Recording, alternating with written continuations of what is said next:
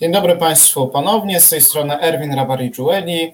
To jest czwartkowa debata liderów, debata w temacie sąsiedztwo wschodnie z naszymi gośćmi. Porozmawiamy dzisiaj o Białorusi, Ukrainie i Rosji, a gośćmi są następujący młodzi politycy. Mateusz Pławski, sekretarz Zarządu Głównego Młodzieży Wszechpolskiej. Dzień dobry. Witam serdecznie, witam Państwa. Ludwik Patyra, koordynator do spraw mentoringu pokolenia 2050. Witam wszystkich serdecznie. Włodzimierz Niemirowski, członek Stowarzyszenia Młodzi Demokraci. Witam wszystkich. Oraz Anna Wardak, członkini z Młodej Lewicy. Witam pana prowadzącego i wszystkich uczestników. Witamy wszystkich uczestników i tych oglądających nas. Przypomnijmy pokrótce zasady naszej debaty. Każdy z uczestników, ze względu na ich nie największą dzisiaj liczbę, będzie miał wyjątkowo 3 minuty na wypowiedź. Każdy z uczestników ma również prawo do półminutowego ad vocem, a także uczestnik, do którego kierowane będzie to ad vocem, ma również pół minuty na odpowiedź na to ad vocem. Tak jak już powiedziałem, będziemy rozmawiali w debacie Białorusi, Rosji i Ukrainy, czyli sąsiedztwa wschodniego, ale zatem nie przedłużając, zacznijmy od pierwszego pytania, pierwszego segmentu, pierwszej z Państwa możliwości do wypowiedzi. Na Białorusi trwają właśnie manewry Zapad z udziałem ponad 200 tysięcy żołnierzy rosyjskich i białoruskich. Jednocześnie obserwujemy, choć może dzisiaj nieco wyciszone przez stan wyjątkowy w Polsce, jednak prawdopodobnie ta sytuacja nie najlepsza trwa nadal na granicy polsko-białoruskiej i mamy w związku z tym tą zaostrzoną, nieprzyjazną retorykę w stosunku do naszego kraju, stamtąd płynącą z tych, od tego naszego wschodniego sąsiada. Jaka powinna być Państwa zdaniem recepta na uzdrowienie relacji z Mińskiem? Gdyby to każdy z panów czy pani byliby szefem, szefową polskiego rządu, uznalibyście jako legalnego prezydenta Aleksandra Łukaszenkę, czy też Światłanę Cichanowską? I ten segment rozpoczniemy od wypowiedzi przedstawiciela pokolenia 2050, Ludwik Patyra. Dziękuję bardzo.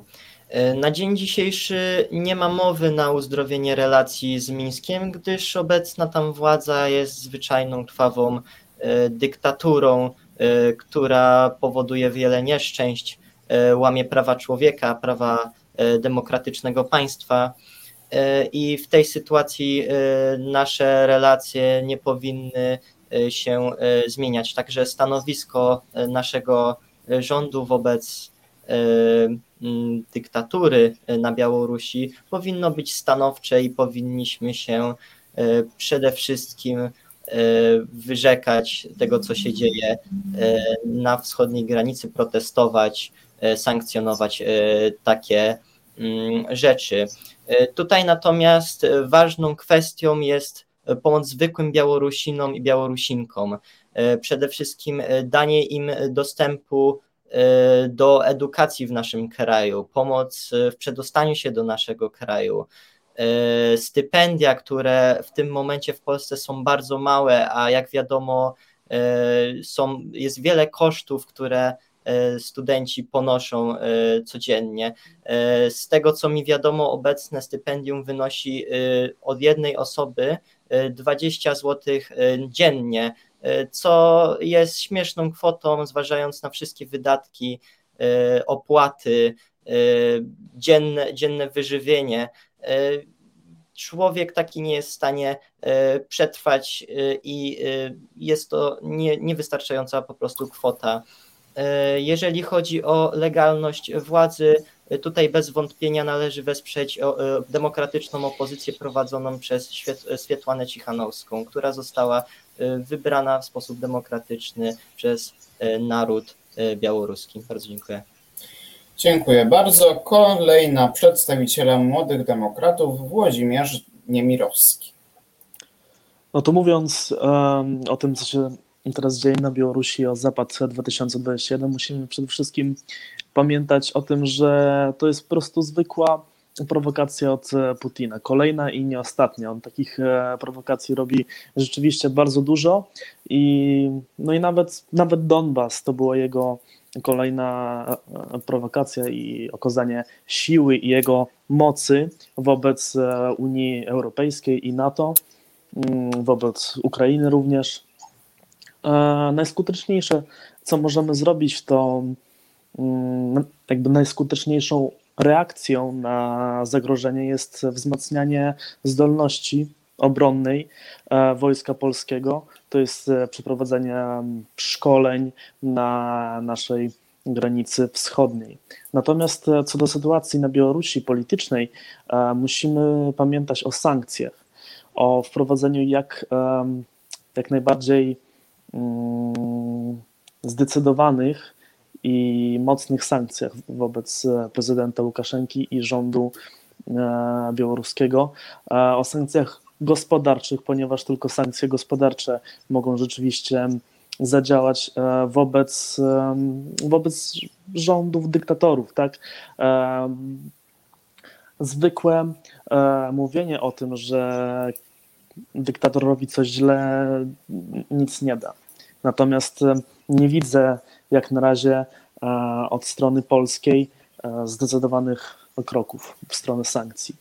A co do tego, kogo bym e, uznał jako prezydenta e, Białorusi, to oczywiście to jest e, Swietłana Cichanowska i to pytanie jest dla mnie nawet trochę dziwne. Dziękuję. Dziękuję bardzo. Kolejna przedstawicielka Młodej Lewicy, Anna Wardak. Widzą, którzy dopiero przed chwilą do nas dołączyli, przypomnijmy pytanie. Y, dyskutujemy na temat y, Białorusi, trwających tam manewrów, zapad y, z udziałem żołnierzy rosyjskich i białoruskich, a także nad relacjami polsko-białoruskimi obecnie i tym, kto powinien zostać uznany za legalnego prezydenta Białorusi. Anna Wardak, Młoda Lewica. Jeśli mowa o recepcie na ozdrowienie relacji z, z Mińskiem, no skoro najważniejszym człowiekiem w państwie jest Łukaszenka, to niestety pozostanie, pytanie zostaje bez odpowiedzi. Nie da się ozdrowić relacji, mając do czynienia z zaprzeczeniem demokracji, wszelkiej uczciwości albo dialogu. Prezydent, który wybrany jest w niedemokratycznych wyborach, nie może zostać uznany za legalnie sprawującego władzę. E, więc Polska, tak jak zresztą wszystkie kraje Unii Europejskiej, nie uznaje wyborów na Białorusi za wolne i demokratyczne. Inauguracja Aleksandra Łukaszenki była i jest nieprawomocna. Więc jeśli chcemy ocieplać jakkolwiek relacje z Mińskiem, powinniśmy podejmować się rozmów z opozycją. Reżim w cudzysłowie zabija się od środka. Bez współpracy z białoruską opozycją, w tym właśnie z wymienioną przedtem Świetlaną Cichanowską, Nigdy nie pomożemy Białorusinom i Białorusinkom. Musimy zastosować się więc do zasady globalnej solidarności, bo demokracja na Białorusi jest w interesie nas wszystkich, nie tylko jej mieszkańców i mieszkanek. Dziękuję bardzo. Dziękuję bardzo i jako ostatni w tym segmencie przedstawiciel Młodzieży Wszechpolskiej Mateusz Pławski. E, bardzo dziękuję. Znaczy, ja bym przede wszystkim zaczął od tego, że jakąkolwiek e, rozmowę dotyczącą polityki względem Białorusi powinniśmy rozpatrywać z punktu widzenia głównie interesu polskiej mniejszości, która na tej Białorusi się znajduje. Trzeba przyznać, że władza Aleksandra Łukaszenki jest względem polskiej mniejszości bardzo niekorzystna. W 2015 roku strona polska usiłowała ocieplać relacje z Mińskiem.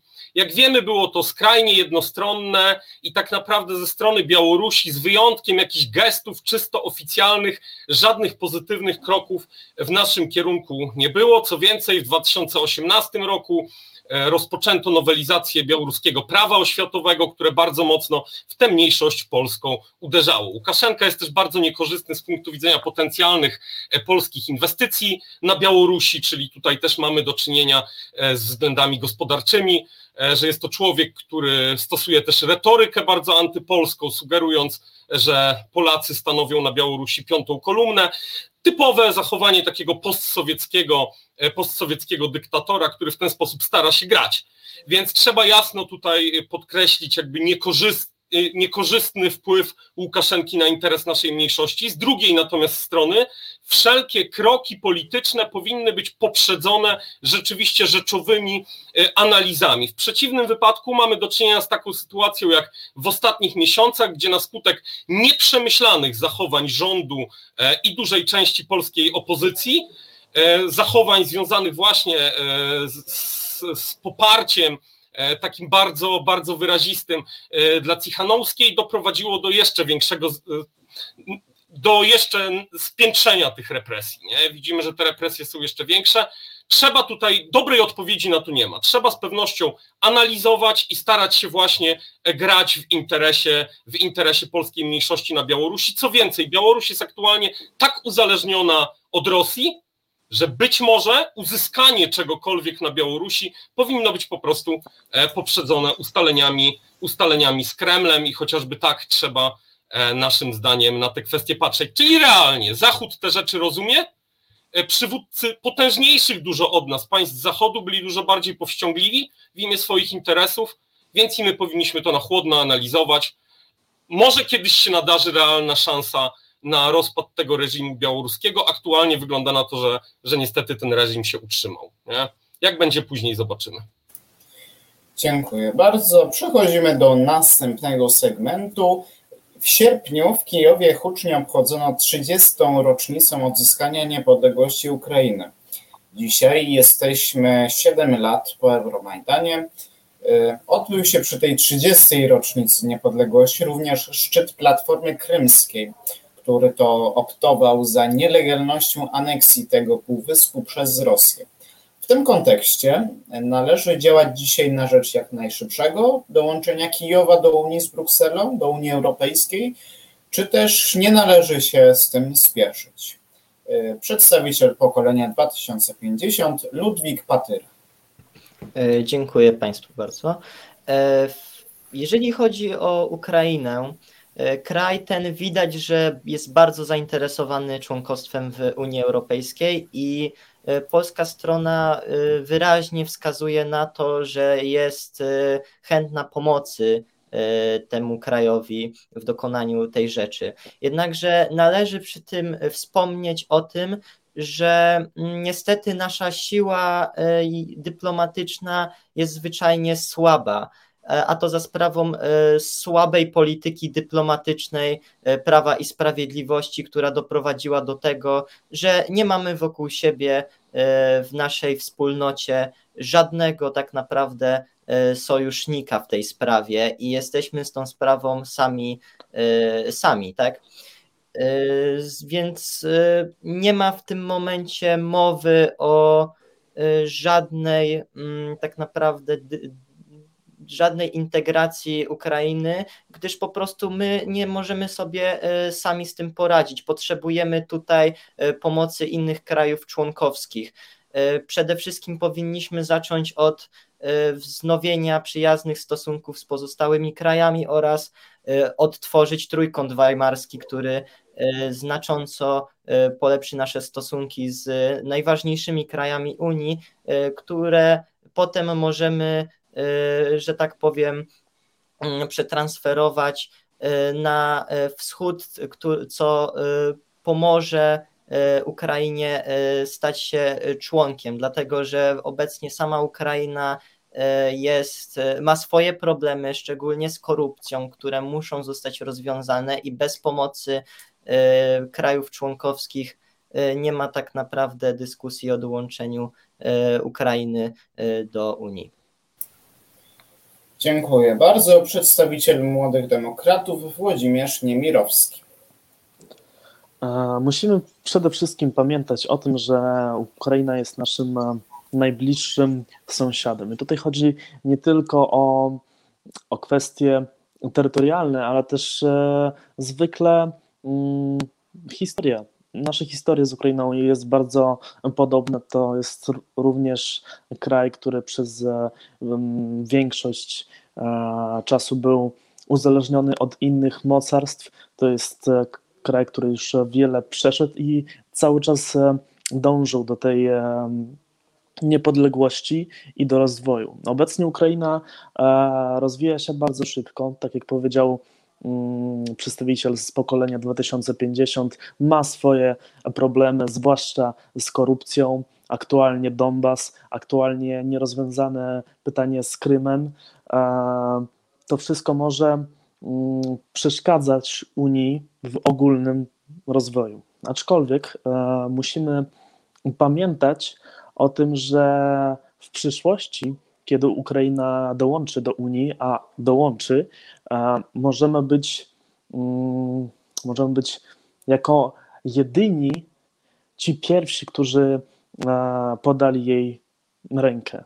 Ci pierwsi, którzy jej e, pomogli. I to jest e, rzeczywiście bardzo ważne, bo mm, Polska wykonuje pewne ruchy, żeby pomóc Ukrainie dołączyć do Unii, aczkolwiek polska dyplomacja obecnie leży. Ta polska dyplomacja zbudowana przez jeszcze Radosława Sikorskiego obecnie nie istnieje i im więcej będziemy zadzierać i kłócić się z Unią, tym mniejsze są nasze szanse na wsparcie Ukrainy w dołączeniu do Unii Europejskiej.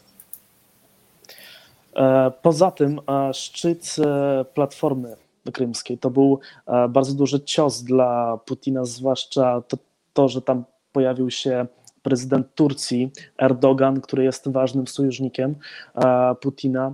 Mu się bardzo nie spodobało, podważyło tego, to jego autorytet, co jest dobrym krokiem w, w potępianiu agresji rosyjskiej. Dziękuję.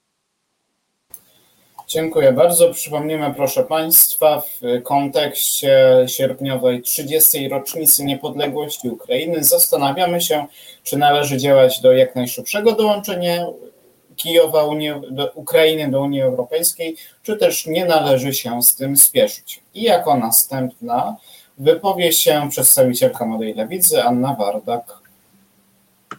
Dziękuję bardzo za udzielenie głosu.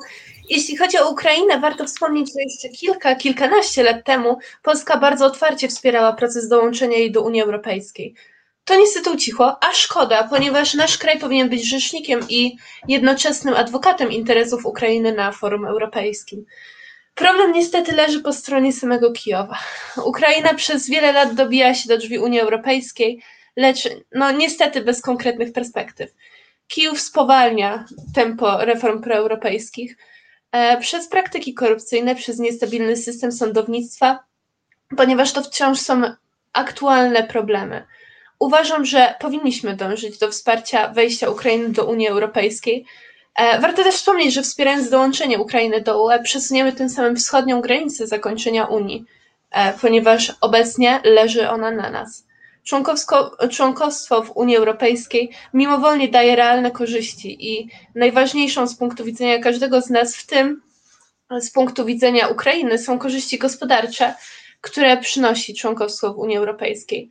E, no i warto się tu odwołać, że kilka lat spędzonych w Unii Europejskiej przez Polskę przyniosło nam wiele korzyści politycznych, ponieważ Unia Europejska jako gwarant stabilności i pokoju, Unia Europejska, która jest ważnym graczem na arenie międzynarodowej, pozwoliła na wyrazistą prezentację i realizację naszych interesów i to samo może spotkać Ukrainę.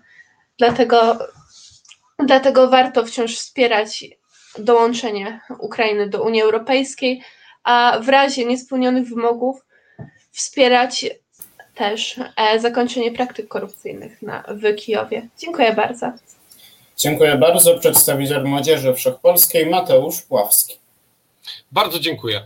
Naszym zdaniem przede wszystkim wstąpienie finalne Ukrainy do Unii Europejskiej jest bardzo mało prawdopodobne. To jest podobna sytuacja jak z Sojuszem Północnoatlantyckim z NATO, gdzie po prostu potężnym państwom Zachodu jest bardzo nie na rękę, żeby przyjmować państwo z takimi wielkimi problemami, czy problemami, przepraszam, związanymi z bezpieczeństwem, widzę sytuacja na wschodzie Ukrainy w Donbasie, czy wspomniane wcześniej problemy korupcyjne, widzimy, że z ust zachodnioeuropejskich polityków pada dużo deklaracji, jednak są to deklaracje kompletnie niewiążące, są to deklaracje, w których zawsze istnieje bardzo dużo furtek. Państwom Zachodu jest to nie na rękę.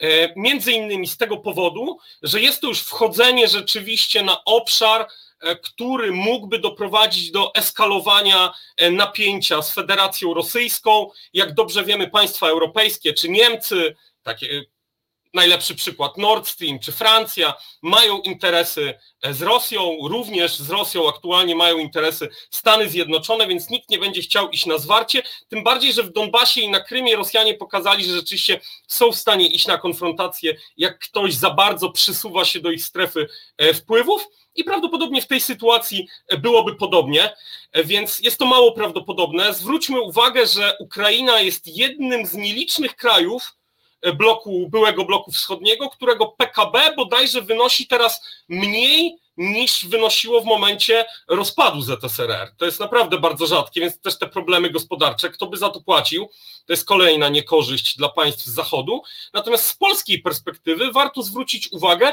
że chociażby wstąpienie Ukrainy do Unii Europejskiej byłoby bardzo niekorzystne dla naszego rolnictwa, które stanowi rzeczywiście dużą część e, polskiego eksportu do krajów wspólnoty, bodajże 10%.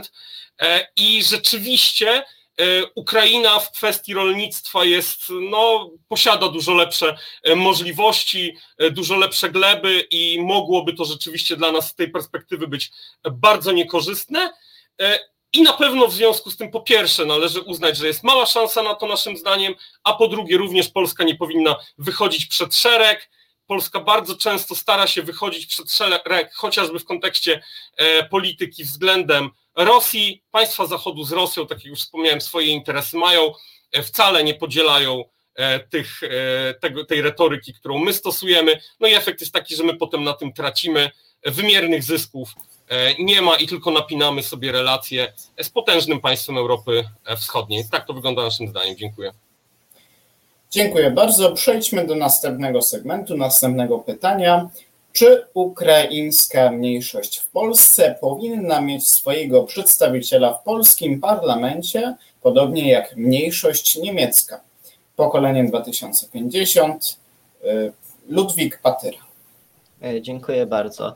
E, kwestia mniejszości ukraińskiej jest bardzo ważna, gdyż bardzo dużo Ukraińców obecnie zamieszkuje tereny naszego państwa. E, pracuje tutaj, płaci podatki. Mm, niektórzy również e, mają obywatelstwo polskie, e, co wiąże się z tym, że mogą realnie mieć wpływ na to, jak będzie wyglądała nasza polityka. I Ukraińcy, jeżeli chcą, to mogą stworzyć swój komitet wyborczy i i wystartować w wyborach. Jeżeli uzyskają oczywiście odpowiednią ilość e, głosów, e, to mogą się dostać do parlamentu. Natomiast jeżeli chodzi o takie prawne przekazanie miejsc w parlamencie, to przed nami jest dosyć długa droga. Bardziej bym się tutaj na początek zastanowił nad tym, czy Ukraińcom niepotrzebne są jakieś inne mm, inne większe prawa, które umożliwiłyby im większe y, zaistnienie w y, świecie publicznym y, w naszym kraju.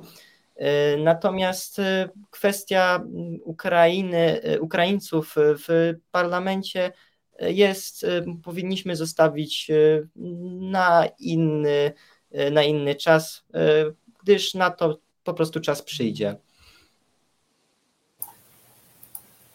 Dziękuję bardzo. E, przedstawiciel Młodych Demokratów Włodzimierz Niemirowski. Tak, musimy pamiętać e, przede wszystkim o tym, że mniejszość narodowa, ogólnie takie pojęcie jak e, mniejszość narodowa, to nie są po prostu ludzie, którzy przyjeżdżają do pewnego kraju na pewny okres, tak? No ponieważ większość osób z Ukrainy przyjeżdżających e, do Polski e, to są e, ludzie przyjeżdżający na zarobki. Nie mają oni ani obywatelstwa, ani nawet stałego pobytu w Polsce. Także nie możemy liczyć to jako mniejszość narodową. Oni przyjeżdżają i jadą z powrotem. Aczkolwiek mniejszość ukraińska rzeczywiście jest jedna z najliczniejszych w Polsce, natomiast mniejszość niemiecka jest najstarsza. Mniejszość niemiecka zamieszkuje tereny polskie już od, od bardzo długiego czasu, co powoduje, że mają oni swojego przedstawiciela w parlamencie. E, pytanie, czy potrzebujemy obecnie takiego przedstawiciela e, od strony mniejszości ukraińskiej? Mm, nie wiem, ponieważ Polska teraz e, ma o wiele więcej innych problemów i pytań, którymi musi się zająć. Ode mnie to tyle. Dziękuję. Dziękuję bardzo. Przypomnijmy, e, pytanie brzmi, czy ukraińska mniejszość powinna mieć swojego przedstawiciela w polskim parlamencie, podobnie jak mniejszość niemiecka. E, teraz wypowie się przedstawicielka Młodej Lewicy, Anna Wardak. Dziękuję bardzo za udzielenie głosu. E, jak tu ktoś słusznie zauważył wyżej, obecnie system nie daje żadnej mniejszości narodowej gwarancji na reprezentację w Sejmie. E, osoby poselskie są według definicji zwierzchnikami głosu narodu i reprezentują, a przynajmniej powinni reprezentować głos obywateli i obywatelek, wśród których są również osoby przynależące do mniejszości narodowych, takich jak właśnie niemiecka czy ukraińska. E, nie da się wyróżnić realnych problemów i skutecznie z nimi walczyć bez odpowiedniej reprezentacji w Sejmie, czyli bez osób, dla których te problemy są codziennością. Obecnie w Sejmie pozostał jeden poseł, który broni wielokulturowości. Jest to poseł mniejszości niemieckiej. Ani Białorusini, ani Ukraińcy nie mają swojego reprezentanta, mimo że e, przeszło 10 lat temu w spisie powszechnym e, mniejszość ukraińska liczy 50 tysięcy osób w Polsce. Myślę, że powinniśmy dążyć do tego, aby e, mniejszość, każda mniejszość narodowa, jedna z, przynajmniej z tych większych uznanych ustawowo, za e, obecne w Polsce powinny mieć swoje, e, swoich reprezentantów. Dziękuję bardzo. Dziękuję bardzo. I jako ostatni w tym segmencie przedstawiciel Młodzieży Wszechpolskiej Mateusz Pławski. Bardzo dziękuję. Przede wszystkim na początek wróciłbym do tego, co padło w niektórych wypowiedziach, czyli co to jest tak naprawdę mniejszość narodowa. Z punktu widzenia polskiego prawa, mniejszość narodowa to są osoby, które danej narodowości, które mieszkają na terenie naszego państwa od co najmniej od co najmniej 100 lat. Więc tutaj napływowa ludność, która, która przybywa do Polski w ostatnich latach e, w ramach, no trzeba to przyznać, niekontrolowanej e, imigracji, głównie właśnie z Ukrainy, w żaden sposób nie jest mniejszością narodową. Natomiast mniejszość ukraińska oczywiście istnieje. Po akcji Wisła ta mniejszość ukraińska jest rzeczywiście e, rozsiana tak naprawdę E, po całej Polsce i ta mniejszość ukraińska korzysta z normalnego statusu, takiego samego jak mniejszość e, niemiecka i jest dla nich e, oczywiście określone wsparcie w ramach pielęgnowania ich kultury ze strony państwa, mają swoje szkoły i mają jak najbardziej możliwość stworzenia komitetu mniejszości narodowej i tak jak mniejszość niemiecka mieliby możliwość wejścia do polskiego parlamentu bez progu wyborczego. Oni z tej możliwości po prostu nie korzystają. E, pytanie dlaczego? Może są za mało skonsolidowani z racji na to rozsianie po terytorium e, Polski, może wolą to e, robić, jakby wchodzić do parlamentu na inny sposób. Tutaj w niektórych ugrupowaniach są tacy posłowie, chociażby poseł Miron Sycz, były poseł w poprzednich kadencjach, poseł Platformy Obywatelskiej, który, który właśnie do mniejszości ukraińskiej należał. Więc Taka możliwość istnieje, nic tutaj nie powinno się zmieniać. Jeśli przedstawiciele mniejszości ukraińskiej, tej mniejszości narodowej, która, e, która jest tutaj od ponad 100 lat, e, mieliby e, chęć stworzenia takiego komitetu, mieliby taką możliwość, podkreślę, tak samo na tych samych warunkach co mniejszość niemiecka, nie decydują się na to i nic w tym zakresie naszym zdaniem nie powinno się zmieniać. Dziękuję. Dziękuję bardzo i przejdźmy do ostatniego y, segmentu naszej dzisiejszej debaty. Zostało kilka kilometrów do ukończenia gazociągu Nord Stream 2. Rosja zagraża w ten sposób bezpieczeństwu energetycznemu zarówno nam w Polsce, ale też wspomnianej Ukrainie. Jak Państwo patrzą na tę utrwalającą się dominację Rosji w Europie, na bierność Zachodu wobec agresji na Ukrainie? Jakie stanowisko przyjmujecie wobec tak postępującej Rosji? Pokolenie 2050, Ludwik Patyra. Dziękuję bardzo. Zacznijmy od kwestii Nord Stream 2. E, przede wszystkim e, gazociąg ten jest, narusza bezpieczeństwo energetyczne Unii Europejskiej i e, należy to mm, potępiać. Jednakże stoimy tak naprawdę przed faktem dokonanym. Niestety ten gazociąg został ukończony i wszystko wskazuje na to, że e, Niemcy e, i inne kraje Unii Europejskiej zostaną jeszcze bardziej uzależnione od dostaw surowców e, z Rosji. Mm, tutaj powinniśmy jednak stawiać na odnawialne źródła energii, które są zdecydowanie bardziej mm, bezpieczne i przyjazne środowisku, ale to już tak na marginesie. E, w każdym razie, jeżeli chodzi o sprawę rosyjską, tutaj e, przede wszystkim e, wymagamy, powinniśmy wymagać od całej wspólnoty europejskiej i naszych sojuszników z oceanu sankcji. Mimo, że na pierwszy rzut oka mm, one nic nie robią, tak naprawdę w perspektywie długoterminowej one bardzo wpływają na sytuację gospodarczą na terenie Federacji Rosyjskiej. O tym się nie mówi, Natomiast w tym momencie Federacja Rosyjska jest na skraju upadku gospodarczego, e, albo już e, ten upadek e, trwa, gdyż no, jest bardzo trudna sytuacja przede wszystkim z systemem emerytalnym. Przedsiębiorcy nie są w stanie eksportować swoich dóbr na zachód, gdyż po prostu ich aktywa i ich nazwiska są, że tak powiem, zamrożone na zachodzie. E, I stąd e, Federacja Rosyjska mm, próbuje w jakiś sposób ratować sytuację i prawdopodobnie będzie to robiła. Jedną z takich dróg jest e, oczywiście pójście w stronę Chin, natomiast Chin, Rosja zdaje sobie sprawę, że współpraca z Chinami pod względem gospodarczym nie będzie, nie będzie równa i będzie to uzależnienie się od Chin, tak jak to na przykład zostało zrobione w Afryce, czy w niektórych krajach e, Unii Europejskiej, jak w Portugalii czy e, Grecji.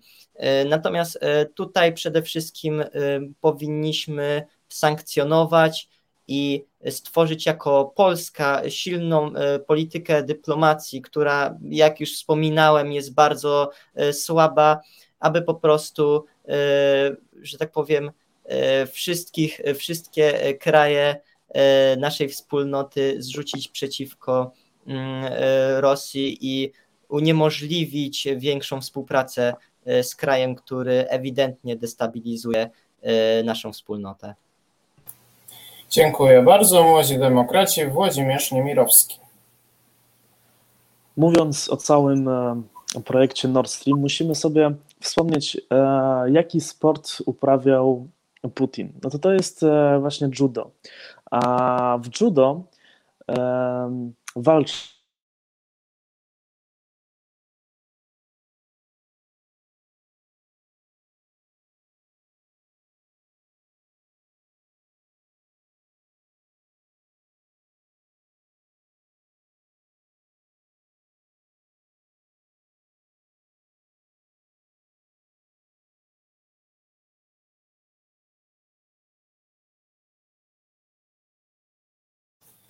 Mamy chwilowe problemy techniczne, staje się. Nie jesteśmy w stanie usłyszeć przedstawiciela młodych demokratów.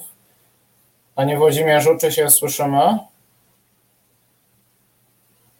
Niestety się nie słyszymy, więc pan Włodzimierz będzie musiał y, rozwiązać ten problem w trakcie wypowiedzi i się wypowie po następnej wypowiedzi. A teraz kolejna y, Annę Wardak. Przypomnijmy pytanie. Jak patrzeć na e, utrwalającą się e, dominację Rosji w Europie, bliskie ukończenie Nord Stream 2, e, pozycja Rosji w Europie. Anna Wartek, Młoda Lewica. Realizacja tejże inwestycji może być wręcz katastrofalna w skutkach, zarówno dla Polski, jak i do wspomnianej wcześniej Ukrainy. Musimy sobie przede wszystkim odpowiedzieć na jedno pytanie – co się stanie z Europą, jeżeli uzależnimy się od jednego dostawcy? No, dostawy surowców energetycznych zawsze były bronią polityczną i nie zanosi się, żeby przestały nią być.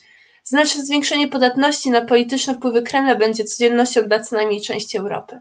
Pojawienie się tak ogromnych wolumenów rosyjskiego gazu spowoduje zatrzymanie prac dywersyfikacyjnych i nagle może się okazać, że będziemy polegać jedynie na Nord Stream 2.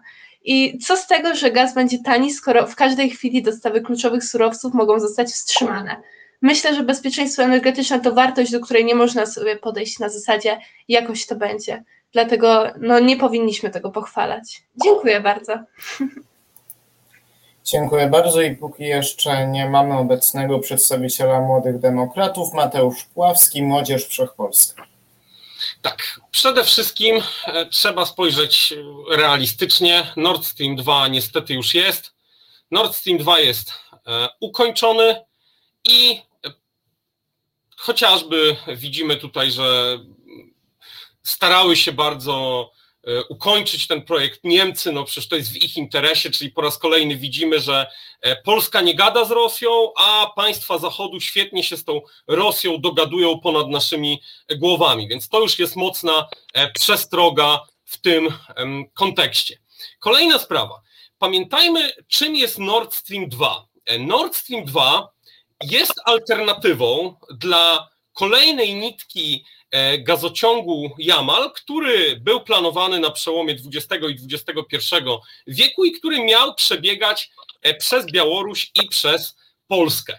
Wtedy Polska odrzuciła tę ofertę, dlatego że Ukraina się temu sprzeciwiała. Polska chciała tutaj stanąć po stronie Ukrainy na arenie międzynarodowej. No i widzimy, do czego to doprowadziło. Do tego, że właśnie Zachód z Rosją się dogadał, gazociąg i tak pójdzie, tylko nie pójdzie przez Polskę. Więc no, tutaj powinna się już zapalić lampka, czy było to działanie dobre i czy w przyszłości takie rzeczy należy robić. Nie, nie należy. Natomiast co w obecnej sytuacji, patrząc realnie, dobrze, że jest praca dywersyfikacyjna po naszej stronie. Dobrą inicjatywą jest e, Baltic Pipe. Dobrze, że są budowane te terminale e, LNG. Chociaż jak wiadomo, no ten gaz y, skraplany, on też nie rozwiązuje całkowicie problemu, dlatego że tutaj są problemy e, infrastrukturalne, są różne wyzwania, jest wysoka cena, no ale w każdym razie w tym kierunku e, trzeba iść. Więc teraz trzeba się starać maksymalnie to dywersyfikować, trzeba w dalszej perspektywie e, myśleć o tym, usiłować rzeczywiście stać się takim hubem gazowym, no ale na przyszłość mamy nauczkę, że nie należy starać się grać takich pierwszych skrzypiec w tej polityce e, antyrosyjskiej, trzeba starać się patrzeć realnie na swoje interesy. Mamy przykłady mniejszych państw, które potrafią to sprawnie robić. Widzę Węgry, które bardzo sprawnie to robią. No a my właśnie w imię interesów innych, w tym wypadku interesów Ukrainy, zgodziliśmy się, e, nie zgodziliśmy się na gazociąg, który miał przebiegać przez Polskę i byłby od nas też w dużym stopniu uzależniony. Jest inny gazociąg e, mamy nauczkę, no a teraz pozostaje nam mocna dywersyfikacja i liczenie na to, że znajdziemy partnerów w Europie, e, którzy będą chcieli w tych dywersyfikacyjnych projektach brać udział. Dziękuję bardzo i e, Włodzimierz Niemirowski, przedstawiciel Młodych Demokratów. Ostatnia wypowiedź na pytanie, jak patrzeć na Rosję w kontekście bliskiego ukończenia Nord Stream 2 oraz utrwalającą się jej dominację i pozycję w Europie. Włodzimierz Niemirowski. No to zacznę od samego początku, bo nie wiem, w którym momencie mnie przerwało. E, spójrzmy e, na Putina, jaki sport on uprawiał. To jest właśnie judo. E, jednym z najważniejszych elementów w judo jest długie męczenie swojego przeciwnika. I właśnie Putin tym się zajmował podczas budowania Nord Stream, to jest długie męczenie swoich oponentów. Polska i Unia Europejska mm, niby się sprzeciwiała, ale Putin zawsze trzymał dystans i wiedział, że jak nie za 5, to za 10 lat, jak nie za 10, to za 15, to mu się uda. Stany również e, próbowali z tym walczyć, próbowali nie dopuścić do tego, aczkolwiek Putin wiedział, że w Stanach e, prezydent zmienia się co 5 lat, a w Rosji nie. I dlatego za 10, za 15 lat to mu się uda skończyć. Obecnie jesteśmy w takiej sytuacji, że nie możemy z tym zrobić nic. Nord Stream um, po prostu skończy się, tak? E, oni go skończą i puszczą gaz do Niemiec. Będą to realizować i to jest wina e, między innymi tego, że e, dyplomacja w Polsce jest na bardzo niskim poziomie. Mogliśmy, przynajmniej ja tak uważam, mogliśmy jeszcze kiedy to wszystko się zaczynało ugrać, to w taki sposób, żeby i wesprzeć Ukrainę i nie pozwolić na przyciąganie gazociągu przez Bałtyk. Obecnie pozostaje nam tylko dogadanie się z innymi mocarstwami i potężnymi graczami na arenie politycznej, żeby temu się sprzeciwić, e, nawet podczas tego, gdy ten cały projekt Nord Stream będzie realizowany. Dziękuję. Dziękuję bardzo i proszę Państwa, to była wypowiedź kończąca naszą dzisiejszą debatę. Debatę w temacie Y, sąsiedztwo wschodnie, w której rozmawialiśmy o sprawach Białorusi, Ukrainy i Rosji i tego, jak te kraje oddziałują na nas, y, jaki jest nasz polski punkt widzenia w stosunku do sytuacji w tych krajach i sytuacji międzynarodowej związanej z tymi krajami, a moimi i Państwa gośćmi w tej debacie y, byli pan Mateusz Pławski z Młodzieży Wszechpolskiej. Bardzo dziękuję Państwu. Pan Ludwik Patyra z pokolenia 2050. Dziękuję i życzę miłego wieczoru. Pan Włodzimierz Niemirowski z y, Młodych Demokratów. Dziękuję serdecznie. I pani Anna Wardak z Młodej Lewicy. Dziękuję bardzo. A ten miły wieczór, proszę Państwa, może być jeszcze milszy, kiedy będziecie Państwo oglądali komentarz polityczny, który Jan Romanowski poprowadzi o godzinie 20.15. To już za nieco ponad godzinę. Serdecznie na niego zapraszamy. Ja nazywam się Erwin Rapari-Joeli. Miałem przyjemność poprowadzić dla Państwa dzisiejszą czwartkową debatę liderów. Życzę również miłego wieczoru i do zobaczenia w następnych programach.